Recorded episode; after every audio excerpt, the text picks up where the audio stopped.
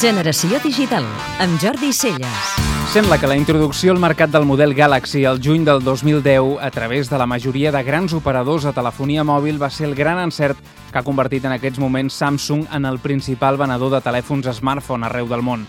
El creixement és meteòric. Samsung ha passat dels 2,4 milions d'unitats al primer trimestre del 2010 als pràcticament 28 milions d'unitats al tercer trimestre del 2011. En aquest nou ordre, tancant les dades del tercer trimestre segons l'estudi continu que desenvolupa la consultora Strategy Analytics, Apple queda relegada com a la segona marca de smartphones del món amb unes vendes de 17 milions d'unitats. La companyia creada per Steve Jobs ha perdut un 16% de les vendes durant el 2011, segurament a causa de l'espera per part dels seus usuaris de la presentació del nou model de telèfon, el que finalment ha estat l'iPhone 4S a la segona meitat d'aquest any. Samsung es col·loca, per tant, al capdamunt dels fabricants i venedors de telèfons intel·ligents.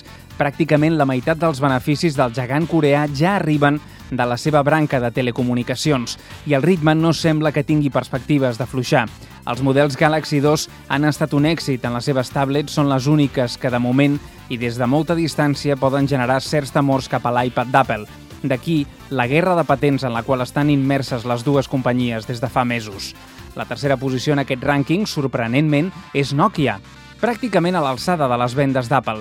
Després de tant de temps amb dispositius fracassats, que la companyia finlandesa encara estigui en aquesta posició només demostra la immensitat de la quota de mercat que posseïa fa només uns anys. Ara ha arribat l'hora de la veritat per Nokia, que ha presentat la seva gamma Lumia, els primers telèfons smartphone creats expressament per treure el màxim rendiment al Windows Phone.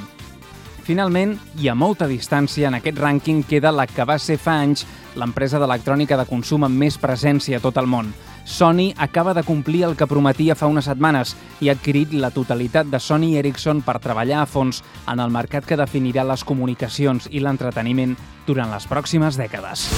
Podeu escoltar Generació Digital cada dissabte de 4 a 6 de la tarda a Catalunya Ràdio.